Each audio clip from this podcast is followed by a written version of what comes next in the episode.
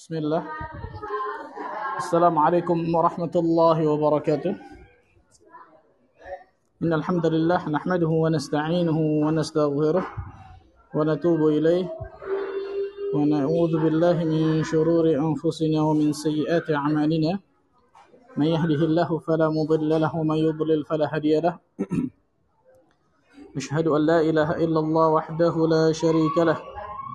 وأشهد أن محمدا عبده ورسوله.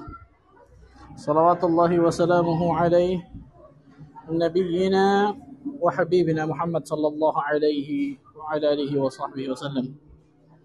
قال الله تعالى في كتابه الكريم يا أيها الذين آمنوا اتقوا الله حق تقاته ولا تموتن إلا وأنتم مسلمون أما بعد. Ikhwani wa khadifiddin rahimani wa rahimakumullah saudara-saudariku sekalian. Yang pertama-tama saya minta maaf qadarullah agak telat karena tadi ada satu dan yang lain satu dan lain hal ada sedikit permasalahan. Tapi alhamdulillah Allah berikan kemudahan kita untuk bisa mengisi kajian. Alhamdulillah berikan kemudahan. Ikhwani wa khadifiddin rahimani wa rahimakumullah. Salat dan salam semoga tercurah kepada Rasulullah sallallahu alaihi wasallam, nabi akhir zaman Nabi yang telah membawa kita dari zaman kejahiliahan, dari zaman kebodohan, dari zaman keterasingan akan ilmu menuju zaman yang terang menerang akan ilmu syar'i yaitu zaman as-sunnah. Masyaallah muslimin wal muslimat rahimani wa rahimakumullah. Melanjutkan mabahas kita ikhwan tentang adab-adab dalam seorang penuntut ilmu syar'i dan hari ini insyaallah taala kita akan lanjutkan pembahasan kitab tentang khulasah ta'zimil ilmi ringkasan dari keagungan ilmu. Hari ini insyaallah taala kita akan lanjutkan di bab ke-16. Bab ke-16. Qala al-muallif rahimahullah hafizahullah taala al-ma'qidus sadis ashar Nah, simpul yang ke-16 atau bab yang ke-16 tauqiru majalisil ilmi wa ijlalu awiyatihi. Memuliakan majelis ilmu dan mengagungkan tempat-tempatnya. Nah ini tentang kewajiban adab ya kan? Perhatikan subhanallah. Kewajiban atau adab bagi seorang penuntut ilmu untuk mengagungkan memuliakan majelis-majelis ilmu tempat-tempat majelis majelis ilmu Mu'alif mengatakan fa majalisul ulama ka majalisil anbiya. Allahu akbar. Majelis-majelis para ulama itu layaknya majelis-majelis para nabi. Allahu akbar. Ini saja ikhwan sudah mencukupi dari keutamaan majelis ilmu yang luar biasa subhanallah. Majelis-majelis ulama yang dibacakan di dalamnya qala Allah wa qala Rasul adalah majelis-majelisnya para anbiya, para nabi dan rasul. Kenapa? Al-ulama warathatul anbiya. Karena para ulama itu adalah pewarisnya para nabi. Para ulama adalah pewarisnya para para nabi. Maka kita tahu bersama para nabi itu dan rasul tidak mewariskan harta, nggak mewariskan tahta, tapi warathul ilm. Para nabi itu mewariskan ilmu. Mewariskan mewariskan ilmu. Faman akhadahu akhadha bihadzin wafir. Barang siapa yang mengambil warisan para nabi tersebut, dia telah mengambil perbendaharaan yang sangat luar biasa besarnya. Nah, makanya beliau sampai mengatakan majelis ulama adalah majelisnya para para nabi. Seorang seorang ulama nama Sahal bin Abdullah rahimahullah taala berkata, "Man man arada an yanzura ila majalisil anbiya falyanzur ila majalisil ulama." Barang siapa yang ingin melihat kepada majelisnya para nabi, maka lihatlah kepada majelisnya para ulama.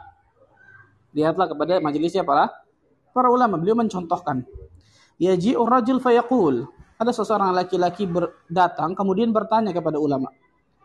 Ya fulan, ayu syai'in taqulu fi rajulin halafa ala mar'atihi bikadha wa kadha. Wahai fulan, wahai syekh di sini maksudnya tanya, apa pendapatmu dengan seorang laki-laki yang bersumpah kepada istrinya seperti ini dan seperti ini. Pul maka ulama ini mengatakan talaqat imra'atuh. Maka dia sudah cerai, jatuh talak bagi apa? Bagi uh, istrinya tersebut. Datang orang, orang yang kedua kata Salih bin Abdullah, yaji'u akhar fayaqul. Kata orang kedua mengatakan, "Ma taqulu fi rajulin halafa 'ala imra'ati bikadza wa kadza." Bagaimana pendapat kalian dengan seorang seorang laki-laki yang mengatakan seperti ini seperti ini bersumpah kepada istrinya? Maka ternyata yang kedua fayaqul laisa yahnathu bihadzal qaul wa laisa hadza illa linabiyyin aw li'alimin. Ternyata yang kedua ber berbeda Ketika datang seorang laki-laki menanyakan pertanyaan yang sama serupa, tapi ulama ini mengatakan tidak jatuh talak. Dan Syekh mengatakan apa?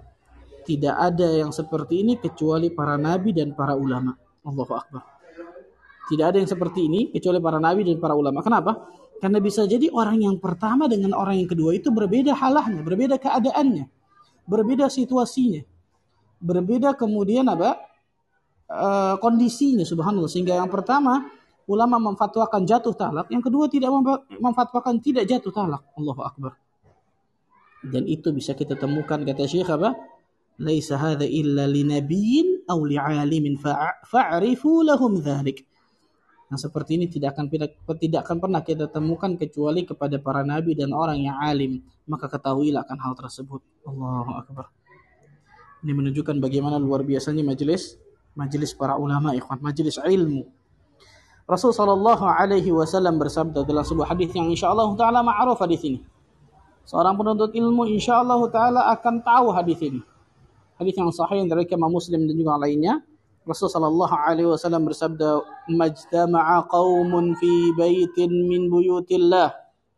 Tidaklah suatu kaum itu berkumpul di antara salah satu dari rumah dari rumah-rumah Allah tabaraka wa taala yatluna kitab Allah membaca kitab Allah wa yatadarasu wa yatadarasuna wa yatadarasunahu bainahum kemudian mempelajari kitab Allah tersebut kalau disebutkan kitab Allah pasti di dalamnya ada as-sunnah karena nggak mungkin Al-Qur'an berdiri sendiri Al-Qur'an dan juga as-sunnah wa yatadarasuna fihi ma bainahum dan mereka mempelajari di antara mereka lihat hadis ini terkenal arba'un li arba' hadis ini kenal empat yang empat. Maksudnya ketika seorang mendapat eh, ketika seorang melakukan empat hal, maka dia akan mendapatkan empat hal.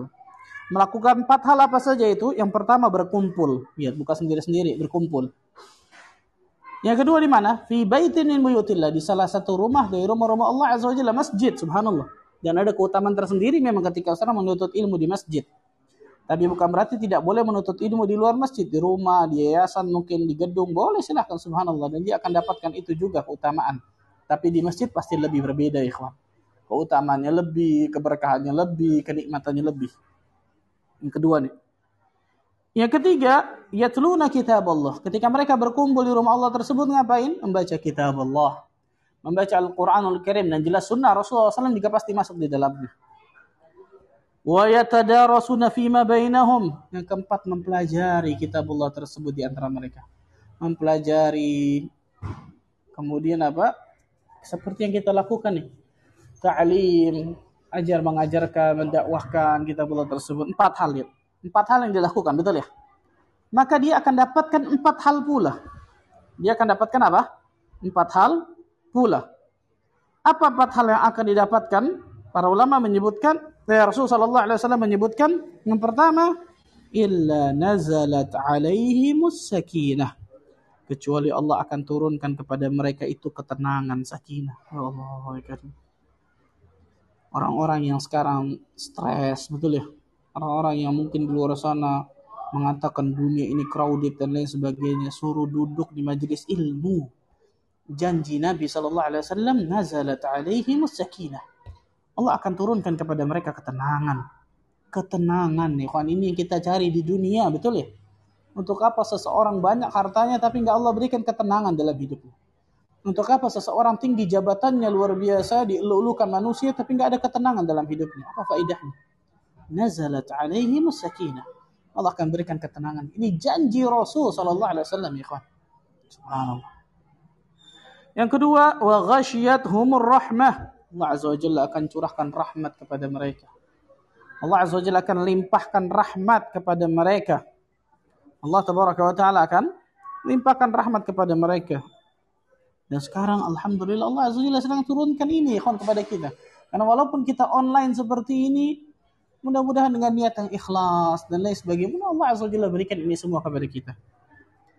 Kemudian yang ketiga, humul malaikah. Yang ketiga, malaikat akan meliputi mereka. Malaikat akan mengelilingi mereka. Ada banyak tafsiran dari hadis ini nih. Apa yang dimaksud dengan malaikat meliputi mereka, mengelilingi mereka? Di antaranya kata para ulama, ada ada ulama yang menyebutkan maksud dari malaikat akan meliputi mengelilingi mereka taquffu 'anit tayran wa tajlis fi majalisil ilm. Allahu akbar. Malaikat itu akan berhenti dari terbang karena malaikat itu bersayap ya, dua, tiga atau empat bahkan lebih. Berhenti dari terbang dan duduk di majelis ilmu. Allahu akbar. Dan duduk di majelis apa? Dan duduk di majelis ilmu karena ada malaikat-malaikat yang ditugaskan memang oleh Allah Azza wa Jalla untuk nyari majelis zikr, majelis ilmu ada malaikat-malaikat tugaskan untuk itu, subhanallah. Nah, luar biasa. Ketika malaikat itu menemukan majelis ilmu, mereka mengatakan kepada teman-teman yang lain, halummu ila hajatikum. Kemari, kemari. Apa yang kalian cari, apa yang kalian ingin cari ini dapatkan di sini, majelis ilmu. Dibacakan di dalamnya qala Allah wa qala Rasul. Allahu Akbar. Kemudian ada juga yang menafsirkan hafatmul malaika, malaikat akan meliputi mereka malaikat akan mendoakan mereka. Ada juga yang mengartikan malaikat akan tawadu kepada mereka. Malaikat akan memuliakan dan tawadu kepada mereka. Luar biasa subhanallah. Dan dari banyak juga riwayat-riwayat yang lain ataupun penjelasan-penjelasan para ulama tentang masalah ini. Kemudian yang terakhir wa Allah taala fi man 'indahu. Allah Azza wa Jalla akan menyebut namanya di hadapan makhluk yang lebih mulia daripada dirinya itu di hadapan para malaikat. Jadi para penuntut ilmu syar'i namanya sangat dikenal oleh malaikat Allah yang ada di atas langit ya kawan. Karena penghuni langit adalah para malaikat. Allah Azza wa Jalla akan menyebut nama-nama kita bahkan dalam riwayatnya disebutkan yubahi bikumul malaikah. Malaikat eh, Allah Azza wa Jalla akan memuji nama-nama kita di hadapan para malaikatnya. Ini akan didapatkan bagi seorang yang menuntut ilmu syar'i duduk di majelis ilmu. Maka coba antum bayangkan ikhwan. Empat akan dapatkan empat, betul ya? Seseorang melakukan empat hal akan dapatkan empat, empat hal. Ketika seseorang memahami bagaimana luar biasanya fadilah dari hadis ini, kemudian dia tidak mau memuliakan, dia tidak mengagungkan majelis ilmu. Bagaimana ilmunya akan berkah ya kawan? Bagaimana ilmunya akan bermanfaat? Perhatikan baik-baik ini. Lima Syafi'i mengatakan apa? Al-ilmu ma nafa' laisa ma hufidh. Ilmu itu yang memberikan manfaat kepada kita, bukan hanya yang dihafal. Bukan hanya yang di yang dihafal, tapi ilmu itu yang memberikan manfaat kepada kita. Itu ilmu yang syar'i, ilmu yang bermanfaat, ya ikhwan. Di antaranya adalah ilmu yang bermanfaat itu memberikan manfaat kepada kita. Orang tersebut akan Allah berikan kemudahan untuk selalu memuliakan majelis ilmu, memuliakan yang berkaitan dengan majelis ilmu tersebut. Apa yang berkaitan contohnya? Kitab-kitab para ulama. Ulama itu sendiri, orang yang alim itu sendiri. Para tulabul ilm, para penuntut ilmu syari. Allah berikan kemudahan orang itu. Untuk bisa apa? Memuliakan, mengagungkan para ulama dan yang berkaitan dengan itu. Atau majelis-majelis ulama juga berkaitan dengan yang berkaitan dengan hal tersebut. Karena itu disebutkan secara panjang lebar ya oleh para ulama apa saja adab-adab yang harus apa? Yang harus dimiliki bagi seorang penuntut ilmu ketika dia duduk di majelis ilmu. Karena majelis ilmu ini, ikhwan, adalah taman-taman surga di dunia. Rasul sallallahu alaihi wasallam bersabda, "Idza marartum bi riyadil jannah farta'u." Jika kalian melewati taman surga, maka berhentilah. Qalu para sahabat nanya, "Wa ma riyadul jannah ya Rasulullah sallallahu alaihi wasallam?" Apa ini maksud dengan taman-taman surga wahai Nabi Shallallahu Alaihi Wasallam? Rasul mengatakan hilaqah dzikr. Itu adalah halaqah zikir. Maksudnya adalah halaqah halaqah ilmu. Masya Allah. Maka perhatikan ikhwan, kita akan sebutkan adab-adab ketika seseorang berada di majelis ilmu. Dan beliau juga menyebutkan di sini secara panjang lebar ini, masya Allah. Kita akan sebutkan di sini juga kita tambah dari keterangan-keterangan yang lain. Yang pertama, ikhlas. Yang pertama apa? Ikhlas. Berusaha untuk selalu mengikhlaskan niat kita ketika kita di majelis ilmu. Perhatikan nih, ikhwan. Ikhlas. Karena nggak ada sama sekali faedahnya ketika kita duduk di majelis ilmu tapi nggak ada keikhlasan dalam hati kita. Nggak ada faedahnya sama sekali. Ya. Sama sekali tidak ada faedahnya subhanallah. Maka berusaha lah ikhwan agar selalu mengikhlaskan, meluruskan niat kita ketika kita duduk di majelis ilmu. Ikhlas, ini yang pertama. Yang kedua, para ulama menyebutkan al-hirs, bersemangat menghadiri majelis ilmu. Semangat ketika kita ingin datang ke, satu majelis, datang ke satu kajian, ataupun seperti ini, online seperti ini, semangat ikhwan, harus ada kesemangat ketika nuntut ilmu seperti ini. Kalaulah kita ngejar dunia dari pagi sampai malam sampai pagi lagi luar biasa, ingin dapatkan dunia, betul ya? Kok ingin cari ilmu akhirat, ingin cari surga Allah Azza wa Jalla, malas-malasan, nggak ada kesungguhan. Majelis ilmu adalah riyadul jannah di dunia kata Nabi wasallam. Taman-taman surga di dunia, Allahu akbar. Maka kita wajib untuk menghadirkan apa? Semangat dan kesungguh-sungguhan di dalam hati kita. Ketika kita menuntut menuntut ilmu, duduk di majelis ilmu.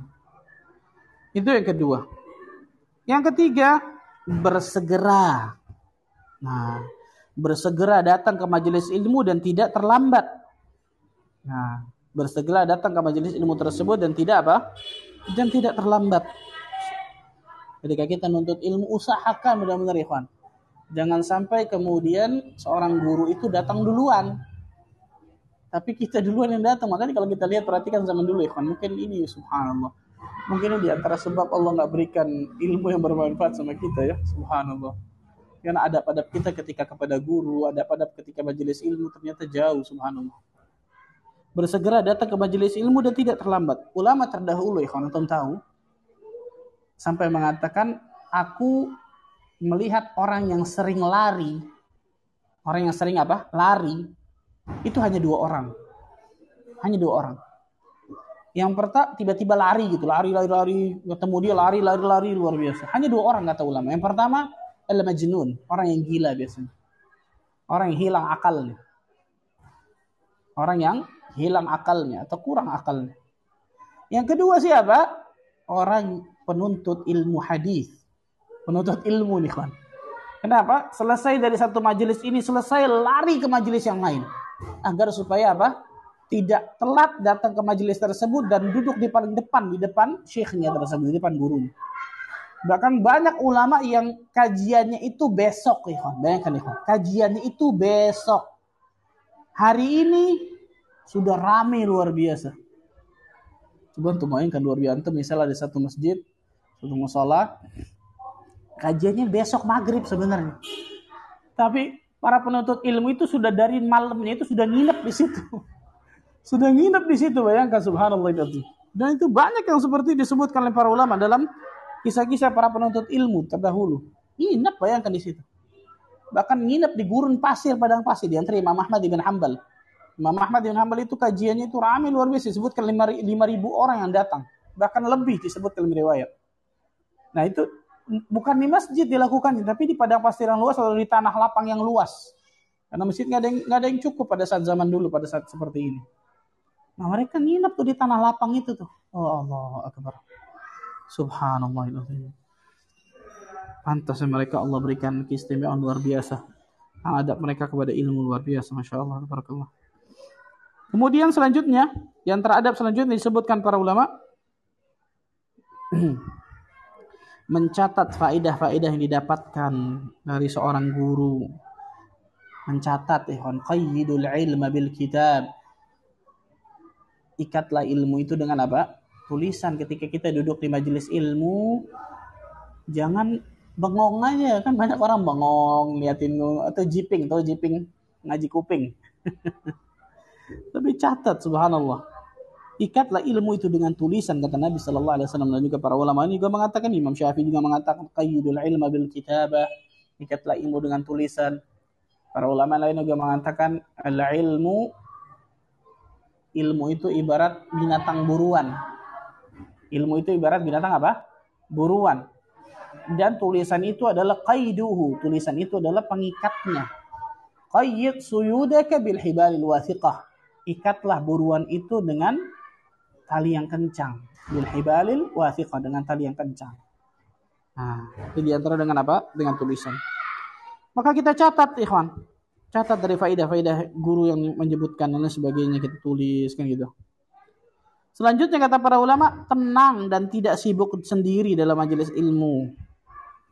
Tenang dan tidak sibuk sendiri dalam majelis ilmu. Tenang. Subhanallah. Jadi jangan sibuk sendiri. Banyak orang ketika majelis ilmu mainin HP, buka-buka IG, betul ya? Ketika di majelis ilmu pasang status, moto. Ini jangan yang seperti ini, kan ya Allah. Bagaimana Allah Azza Jalla akan berikan keberkahan ilmu kepada kita kalau kita tidak apa? Tidak menghormati majelis ilmu itu sendiri. Imam Az-Zahabi rahimahullah taala menyampaikan kisah dari Ahmad bin Sinan ketika beliau berkata tidak ada seorang pun yang bercakap-cakap, nggak ada seorang pun yang berbicara di majelis Abdurrahman bin Mahdi. Bahkan pena pun tidak bersuara. Bayangkan pena nggak bersuara. Nggak ada yang bangkit, nggak ada yang bangun. Seakan-akan di kepala mereka itu ada seekor burung. Seakan-akan mereka itu dalam sholat nggak bergerak. Bayangkan, subhanallah. Allahu Akbar. Bahkan Imam Syafi'i rahimahullah ta'ala di depan Imam Malik rahimahullah ta'ala sampai apa? Nggak berani untuk meraut pensil, meraut pena. Karena takut suara dari rautan pena itu Bapak mengganggu dari Imam Malik ketika mengajar. Allah Akbar. Lihat adab-adab mereka luar biasa. Subhanallah Akbar. Kemudian selanjutnya disebutkan oleh para ulama. Adab yang selanjutnya ketika di majelis ilmu, duduklah dengan penuh adab. Duduklah dengan penuh apa? Dengan penuh adab boleh bersila, boleh iftirash, boleh tawarruk, betul ya? Dan jangan menjulurkan kakinya ke depan. Jangan menjulurkan kakinya ke ke depan ke arah ustadz, ke arah guru dan sebagainya. Kecuali memang sakit ya lain cerita kalau seperti itu ya. Kalau nggak ada haja, nggak ada darurat, maka jangan menjulurkan kaki ke depan tadi. Sila, iftirash, tawarruk. Kira-kira kalau antum iftirash satu jam dua jam bisa bangun lagi tuh ya kan. Nah itu dia duduk dengan penuh adab. Di antara dengan penuh adab juga usahakan jangan nyender. Betul ya? Kecuali yang sudah tua. Kalau yang masih muda, masih syabab, jangan nyender. Nyender ngantuk akhirnya itu subhanallah. Tidur. Jangan nyender subhanallah. Kemudian juga selain dari duduk penuh adab selanjutnya disebutkan para ulama apa? Mengarahkan pandangan kita ke arah guru, jangan ke mana-mana. Jangan lihat kanan, lihat kiri, lihat depan, lihat depan, lihat belakang. Mengarahkan pandangan kita ke arah guru. Kecuali ketika kita, ketika kita menulis. Menulis berarti kan melihat ke bawah. Atau melihat ke mushaf. Melihat ke buku silahkan. Tapi arahkan paling banyak pandangan kita ke ke guru. Ke ulama, ke seorang ustaz subhanallah. Nah, ini disebutkan para ulama tentang masalah ini mengarahkan ke pandang mengarahkan pandangan saja itu disebutkan oleh para ulama tentang masalah ini. Bayangkan subhanallah. Allahu akbar. Kemudian disebutkan juga apa? Jangan buat kegaduhan yang bisa terdengar oleh seorang guru. Sebutkan oleh Syekh di sini jangan buat kegaduhan. Kegaduhan macam-macam lah. Macam-macam ada yang ngobrol sendiri. Dan banyak itu kita temukan subhanallah. Ustadz ngomong dia buka majelis lagi. Ustadz ngomong dia ngomong sama sebelah. Jangan subhanallah. Bayangkan antum sedang berbicara, ada orang bicara lagi selain antum. Gimana hati antum subhanallah? Ditambah lagi yang dibicarakan ini qala Allah wa qala Rasul. Mana adab kita kepada dalil? Mana adab kita kepada Al-Quran dan As-Sunnah subhanallah. Eh, jangan sibuk sendiri, jangan ngomong sama orang lain di sebelahnya, jangan bicara, jangan ini dan sebagainya. Eh, disebutkan oleh para ulama tentang masalah ini. Kemudian juga kata para ulama, jangan apa? Jangan menguap. Kalau bisa menguap itu ditahan, tapi kalau nggak bisa maka tahan dengan tangannya. Jangan nguap, kerjaannya nguap. Baru baru duduk nguap satu kali, baru du, duduk nguap dua kali. Dia nggak udah gitu nggak ditutup lagi mulutnya. Usahakan jangan menguap. Kalau memang menguap maka tutup tahan dengan mulut kita sekuat tenaga. Ketika bersin juga dan juga ketika bersin jangan kemudian suaranya sampai mengganggu kencang luar biasa usahakan suara yang pelan dan lain sebagainya lihat Allah Akbar luar biasa disebutkan secara detail loh ikhwan Oleh penulis ini penulis disebutkan secara detail tentang masalah ini. Disebutkan secara detail Allahu Akbar. Kemudian di antara pula disebutkan oleh para ulama ketika di majelis ilmu jangan putus asa untuk menghadiri majelis ilmu.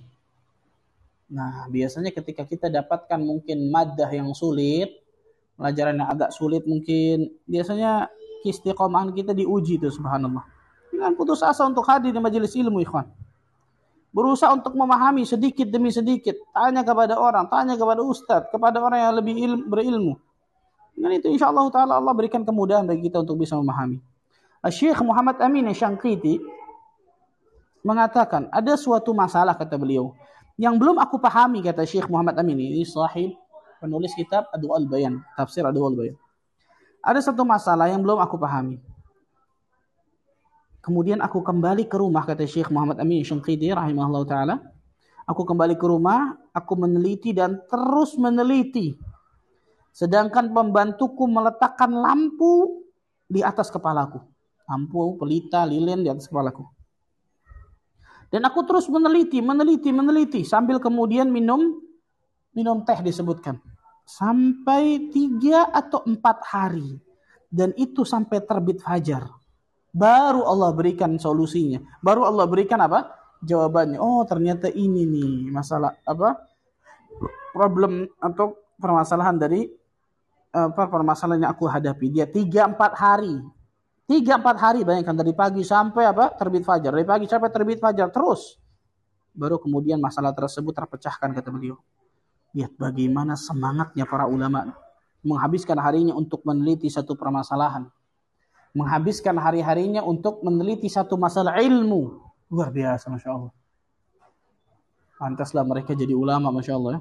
Kita sesuatu yang sulit aja, aduh, dari gampang nih, nggak usah deh. Yang gampang-gampang aja. Subhanallah. Selanjutnya, ikhwan, di antara adab ketika majelis ilmu, jangan memotong pembicaraan guru.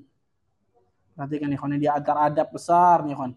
Jangan memotong pembicaraan guru ini antara adab yang harus diperhatikan tentang masalah ini, ikhwan. Subhanallah.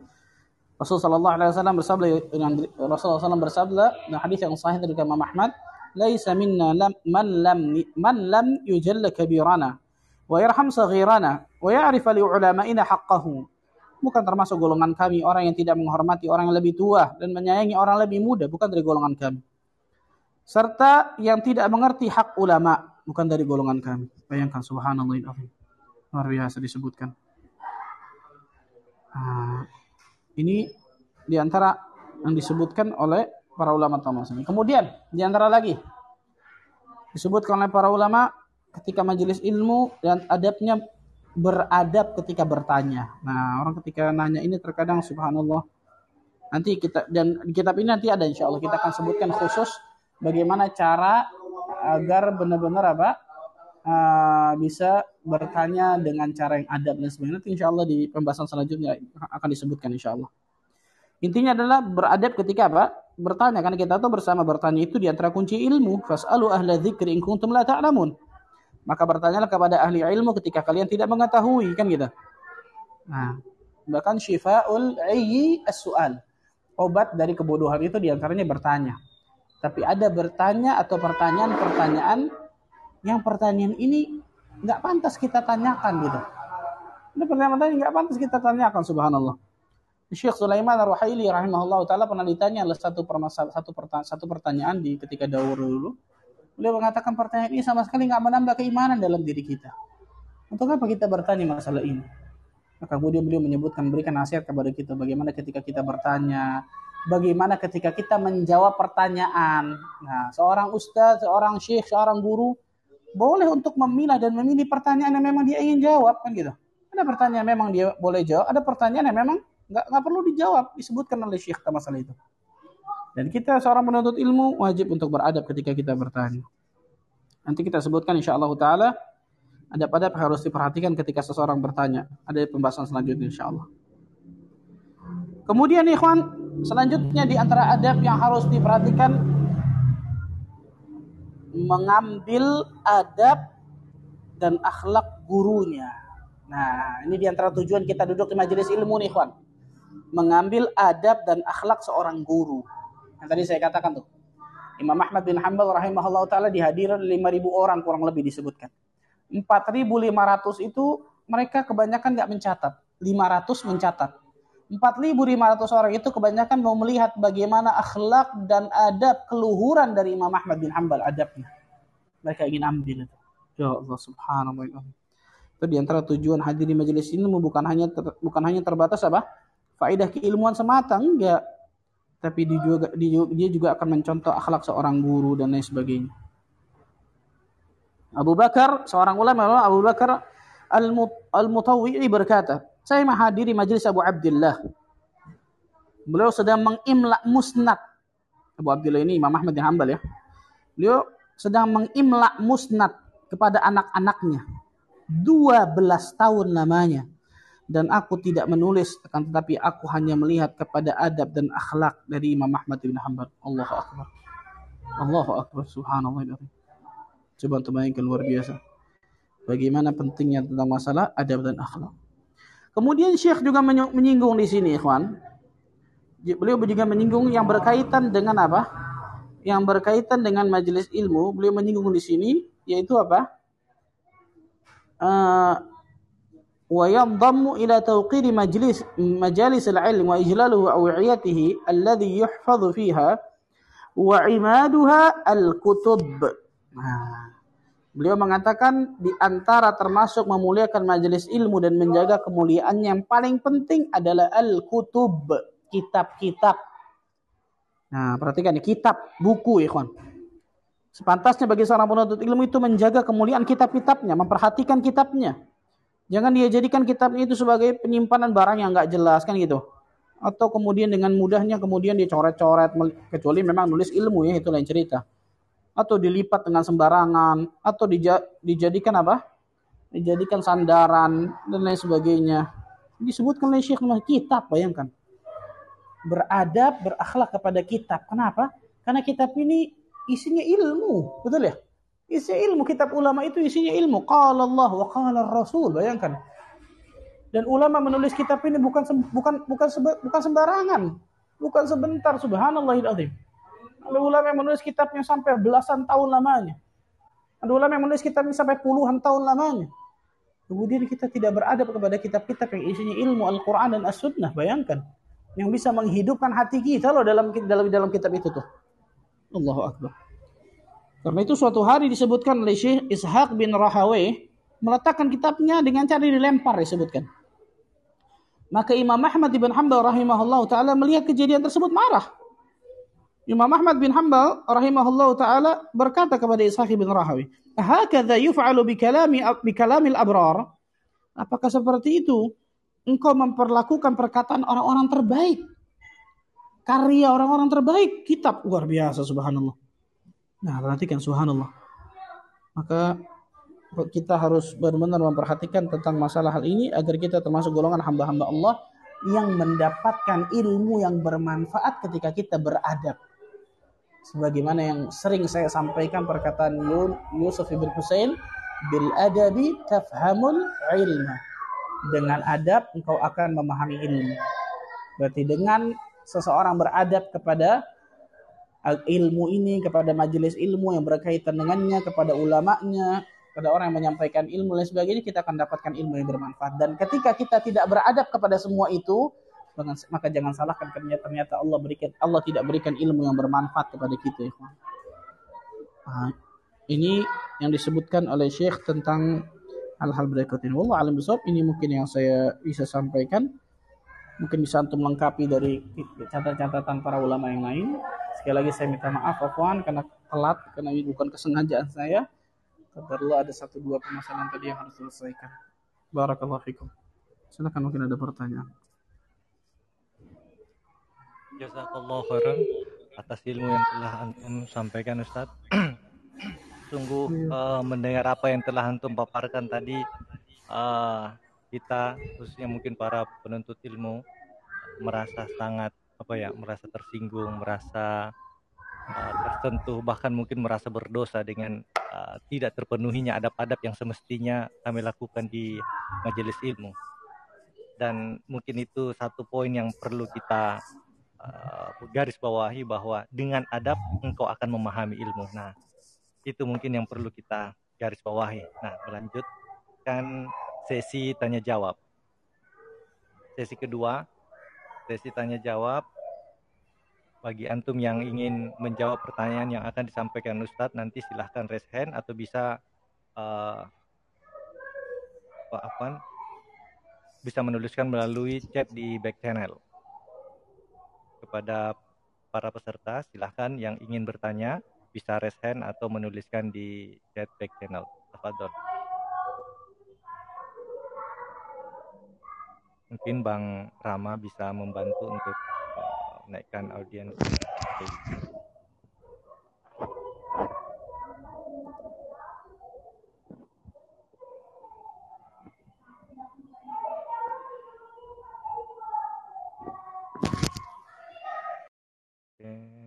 coba ya.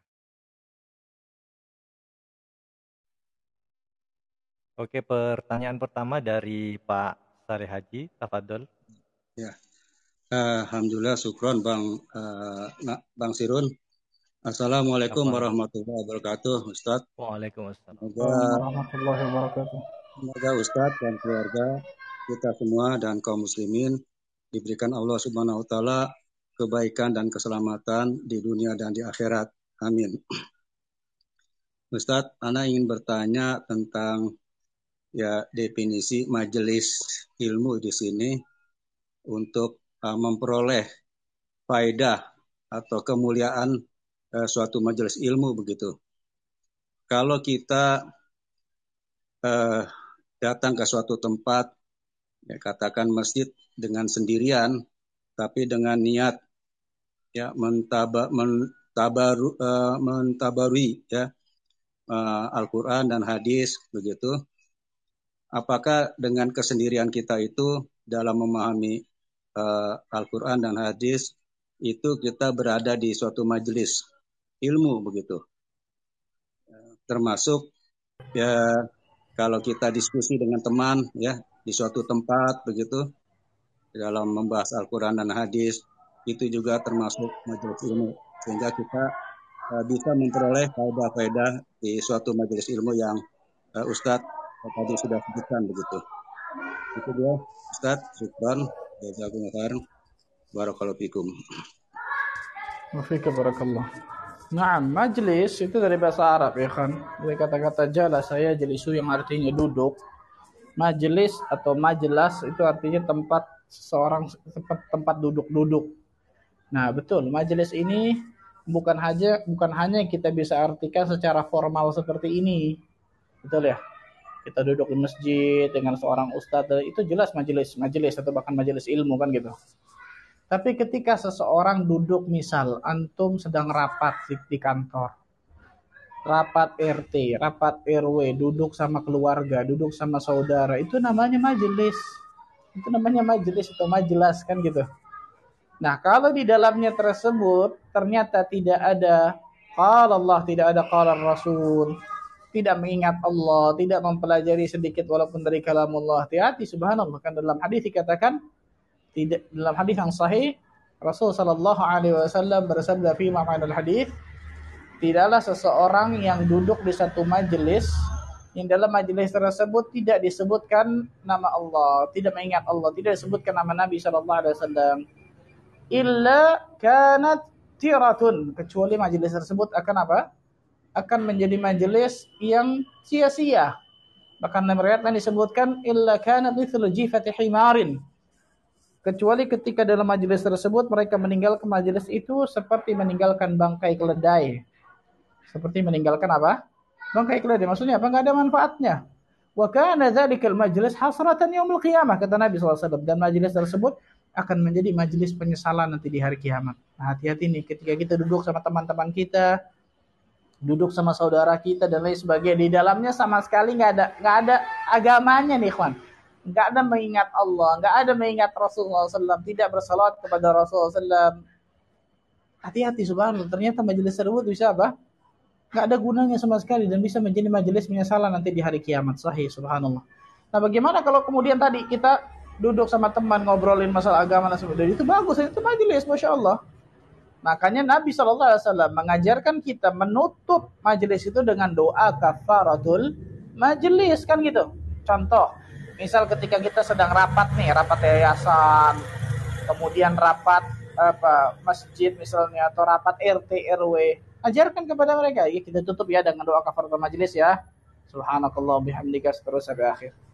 Paling tidak apa apa apa pun yang ada dosa di dalam dalam majelis tersebut, ada kesalahan dalam majelis tersebut, mudah-mudahan Allah azza wajalla ampuni kan gitu. Itu di antara keutamaan dari doa doa kafaratul majelis masya Allah. Nah, bagaimana kalau kita sendiri? Nah, tadi disebutkan Syekh Muhammad Amin Syantiti rahimahullah taala pada hakikatnya kalau sendiri ini sebenarnya tadi lebih lebih pas itu namanya tadabbur. Lebih pas itu namanya apa? Mentadabburi. Tadabbur namanya mentadaburi, mempelajari, menghayati satu ilmu atau ayat Allah atau sabda Nabi Shallallahu Alaihi Wasallam. Lebih pas namanya tadabur karena majelis itu biasanya paling tidak lebih dari satu orang biasanya lebih dari satu satu orang. Tapi itu pun ketika kita mentadaburi jelas itu termasuk apa? Termasuk luar biasa ketika kita menuntut ilmu masuk menuntut ilmu di situ. Menuntut apa? Menuntut ilmu masuk ke dalam menuntut ilmu. Dengan itu mudah-mudahan kita akan dapatkan berbagai macam faedah dari duduk di kita sendiri mempelajari ilmu tersebut. Allah alam Syukron, jazakumullahu khairan. Afwan wa Alhamdulillah, jazakallahu khairan. Selanjutnya kita ada pertanyaan penanya kedua yaitu saudara Maidi. Silahkan.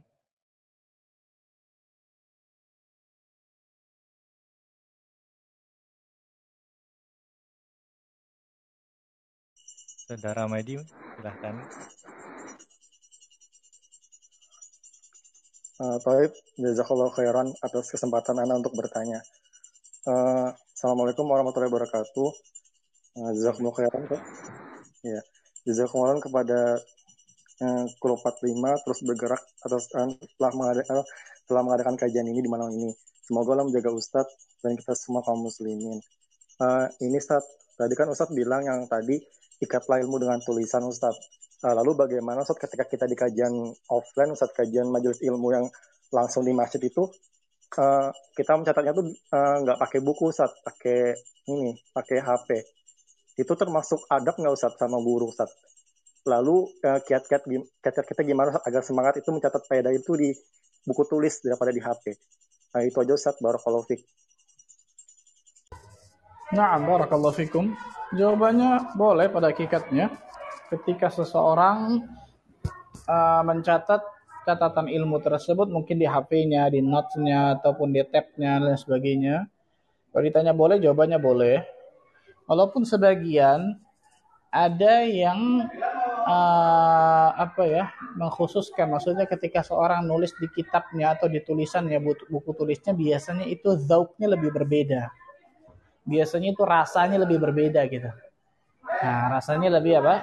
Berbeda. Sama kalau zaman dulu di kulit, kulit unta yang kering dan sebagainya kan tulang atau apa. Jadi kalau nulis di apa buku biasanya zauknya disebut oleh para ulama rasanya itu biasa lebih akan berbeda. Kenikmatannya biasa akan lebih berbeda. Tapi kalau ditanya apakah boleh, jawabannya setahu anda boleh. Allah alam biswa setahu anda boleh. Ada satu ustadz yang ketika kami di apa daurah di Malang, Ustaz tersebut menulis dengan apa? Menulis dengan tab-tabnya, tapi kemudian ada keyboardnya gitu. Ketika Syekh selesai menyampaikan materi, Ustadz itu pun selesai dalam merangkum. Coba untuk bayangkan luar biasa. Allah berikan taufik kepada Ustadz ini, Masya Allah. Masya Allah, Barakallah fihi. Uh, Ustadz ini pun selesai dalam merangkum semua perkataan Syekh. Dari awal sampai akhir. Titik komanya bayangkan lengkap loh bayangkan.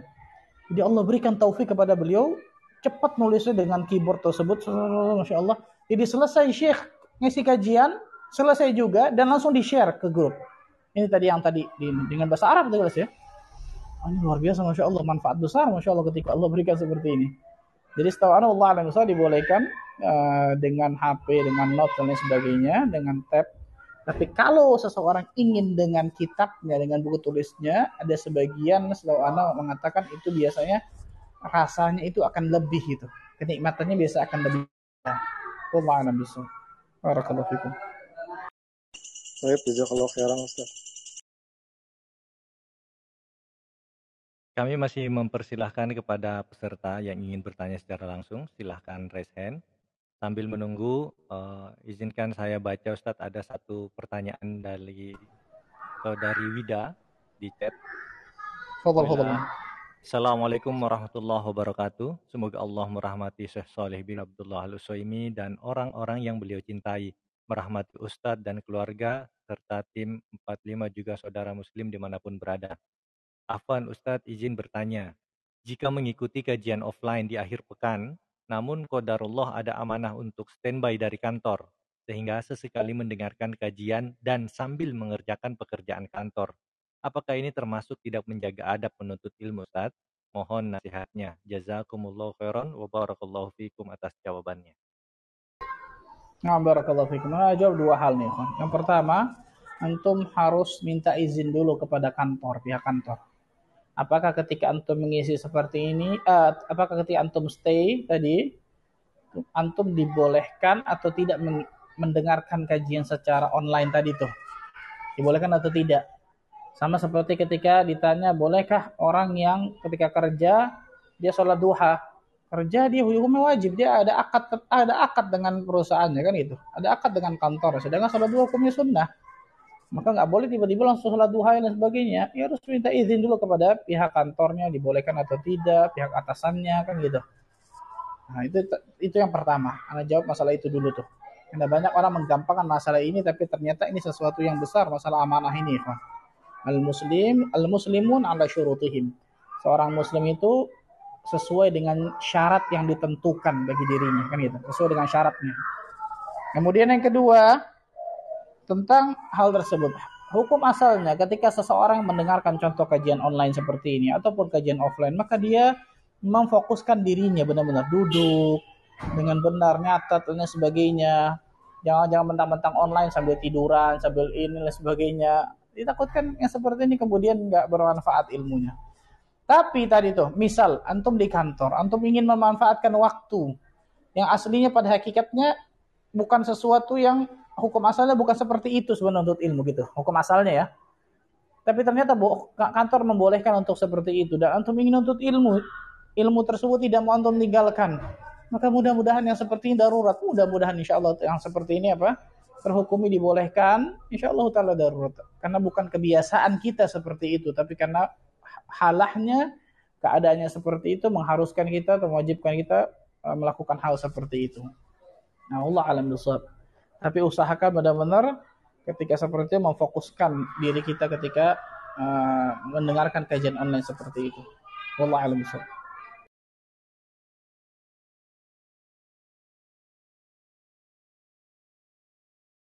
Jazakallah khairan Ustaz. Selanjutnya ada pertanyaan uh, per, penanya ketiga dari Dewi Umu Maulana. Silahkan silahkan naik ke stage. Assalamualaikum warahmatullahi wabarakatuh. Semoga keluarga dan tim serta seluruh jamaah dan kaum muslimin dicurahkan rahmat serta taufik hidayah untuk mengamalkan ilmu. Amin. Pertanyaannya gini Ustadz, uh, apakah kan kalau kajian akhwat itu kan kalau kita di masjid itu kan pakai layar ya Ustadz ya. Nah terus kalau udah lama gitu kan kaki sakit tuh pegel. Kalau kita selonjoran apakah itu termasuk tidak ada adab ya Ustadz? Barakallahu fikum. Naam. Sebentar, sebentar. Uh, ketika seseorang tadi kajian akhwat ataupun ikhwan, betul ya? Sebenarnya bukan akhwat dong di atas. Kalau akhwat nggak kelihatan Ustaz. Kalau di bawah Ustaz kelihatan mungkin. Atau ketutup sitar.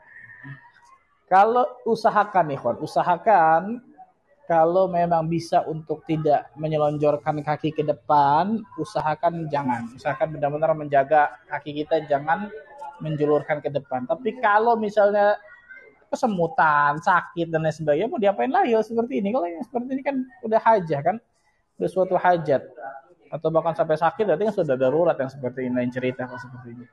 Tapi usahakan kalau memang kita masih sehat dan lain sebagainya, insya Allah Taala Allah berikan kemudahan kita untuk tidak menjulurkan kaki ke depan. Kalaupun ini yang menjulurkan kaki ke depan, kita minta izin di depannya mungkin subhanallah. Allah alam Nah, Ustaz Barakallahu Fikum. Selanjutnya ini ada penanya terakhir ya, karena kita terbatas oleh waktu. Silahkan Saudara Nandra Nana. Baik. Assalamualaikum warahmatullahi wabarakatuh, Ustadz.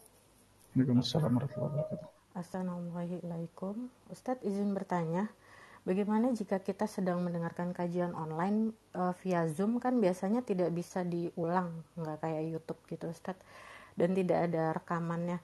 Itu kalau pas kita lagi kajian itu terus orang tua kita menelpon, mana yang kita dahulukan Ustadz? Barakallahu fikum.